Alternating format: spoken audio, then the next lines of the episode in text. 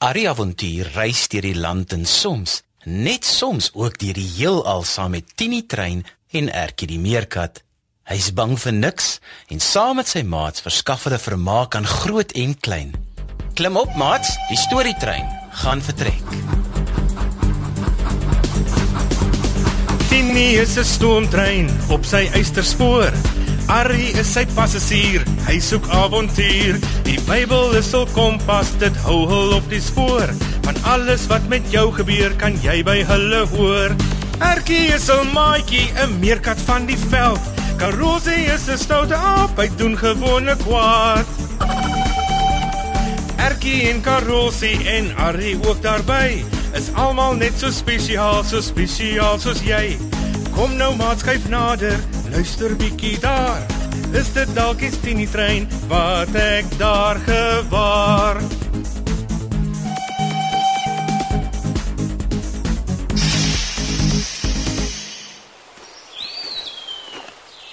Hallo Harry, julle was lanklaas hier. Hallo meerkat. Ons is besig met 'n klomp opgrawings en ontdekkings. Jy en Karosie was ook nogal stil, nê? Nee? Mm, Karoos is bietjie skaars ja afgelope tyd Harry. Ja, hy het weer saam met die jong aapmannetjies begin rondloop. En ek was besig om vir Murray te leer waghou om ook te help waarsku teen gevaar. Daardie sussie van my raak nou 'n groot meerkat meisie. O, ek is so bly julle is hier, Harry. Karoos het gesê ons hoor niks van julle nie en daarom kom julle nooit weer terug nie.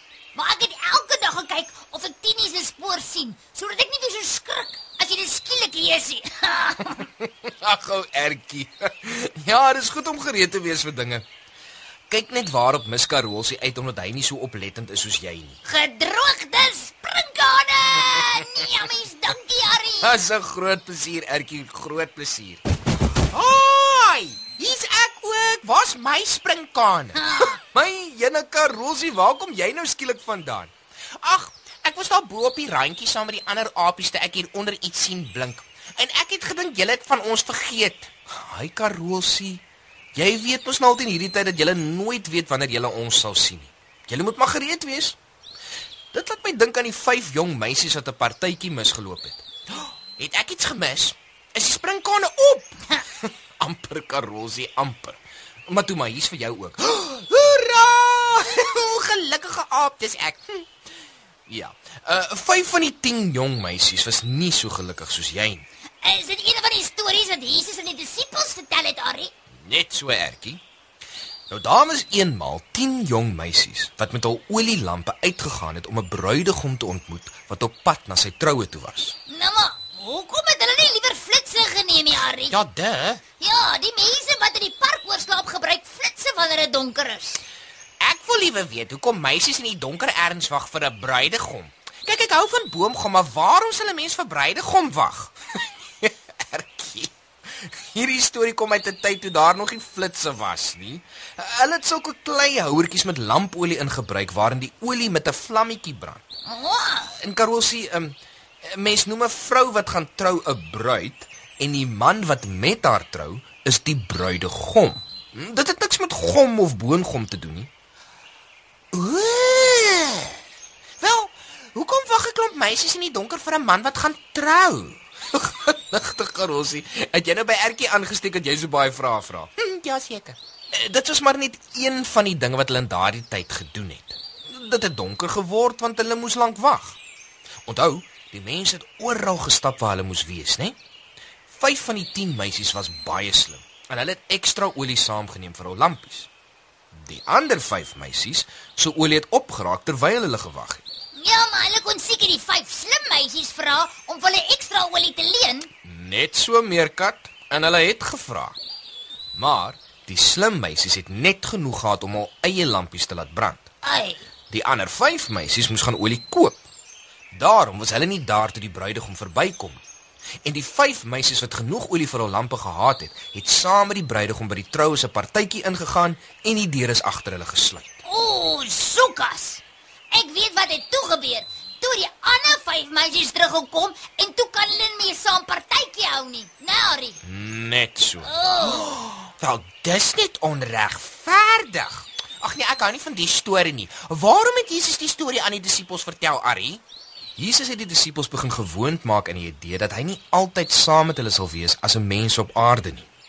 Hy wil ook vir hulle laat verstaan dat hy regtig die seun van God is en sal terugkom soos hy beloof het, maar dat hulle gereed sal moet wees daarvoor. Maar dit kon nie maklik wees vir hulle om te verstaan nie, Ari. Ek, ek dink ek verstaan dit nie. Ek dink dan partykeer nog steeds dat jy en hom Koos en Tini in my verbeelding is en ek ken julle. Ek het nog nooit vir Jesus gesien nie. Karosie, Wat? vergeet jy dan van hoe God uit die hemel uit gepraat het en kliphard vir almal gesê het dat Jesus sy seun is? Het jy vergeet dat Jesus dooie mense lewendig gemaak het en siek mense gesond gemaak het? Vergeet jy dat hy op die water geloop het in 'n storm? Op die water, Karosie. Ek onthou Ertjie, maar ek was nie self daar nie. Dis goed wat Ari ons van vertel uit 'n boek oor mense wat baie lank terug geleef het en nie eens meer bestaan nie. Nou, vergeet jy miskien ook dat ons deur tyd en ruimte gereis het saam met hulle en van die mense alself met ons eie oë gesien het? Maar Ertjie, ontspan. Selfs die disippels wat daar was en vir jare saam met Jesus al die dinge gedoen het en van hom geleer het, het soms gesukkel om hul geloof altyd sterk te hou. sien. Jy maak verniet of ek so verskriklik is, Ertjie. Die tyd toe Jesus gedoop is deur Johannes was nie die enigste keer dat God uit die hemel gesê het dat Jesus sy seun is nie. Jesus het Petrus, Jakobus en Johannes saam met hom opgeneem teen 'n hoë berg. Terwyl hulle daarbo was, het Moses en Elia wat al klaar in die hemel by God was, langs Jesus kom staan en God het gesê: "Hierdie is my geliefde seun in wie ek welbehaag het. Luister na hom." sien. Dis die soort goed wat ek nie kan verstaan nie. Sulke goed gebeur mos nie. Aan watse woord is welbehae? Gebeur dit nie Karolsie? Of het dit net nog nooit met jou gebeur nie? Dis miskien 'n vraag om oor te dink. As jy welbehaag aan iets het, hou jy verskriklik baie daarvan. Meer as wat woorde regtig kan sê, maar jy vertrou dit ook en jy's trots daarop. Nou het Moses en Elia rukkie gebly om te kuier, Harry. Kon die disippels ook met hulle praat? Nee, Ertjie. Toe die disippels weer kyk, was hulle nie meer daar nie. Jesus het vir Jakobus, Johannes en Petrus gevra om nie eers vir die ander disippels daarvan te vertel nie. Hy het seker geweet hulle sal soos hierdie stomme karosie nie so iets glo as hulle dit self gesien het nie, Harry. Miskien daarna het Jesus ook 'n seun gehelp wat besete was en Bes dit, Harry? um, daar was iets fout wat hom baie laat val het.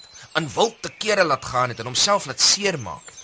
In die Bybel staan daar dat daar 'n slegte ding in sy liggaam was. Mm, ek het al so iets gesien. Wanneer karosie vloei het en hom met al vier pote gelyk probeer krap. Jeez. Nee, ek het dit nog nooit gesien nie. Maar wat die seun markeer het was 'n uh, bietjie erger as dit, Ertjie. Jesus het hom gesond gemaak. En toe hy en die disippels nodig gehad het om belasting te betaal, nie geld gehad het nie, het Jesus een van hulle gestuur om 'n vis te gaan vang en vir hom gesê dat die geld wat hulle nodig het in die vis sal wees. Was dit, Harry? Was dit? Ja, was dit? Ja, dit was. En steeds het die disippels gesukkel om self ook wonders te doen. Al het Jesus vir hulle gesê dat hulle dit in sy naam kan doen. Hoekom kon hulle nie, Harry? Jesus het gesê dat hul geloof nog nie sterk genoeg was nie. Al het hulle gedink dit was, het Jesus geweet van die twyfel wat daar nog in hulle harte was. Almal aan boord. Ag julle, ek gesels nou heerlik, maar dis tyd om eers weer te gaan.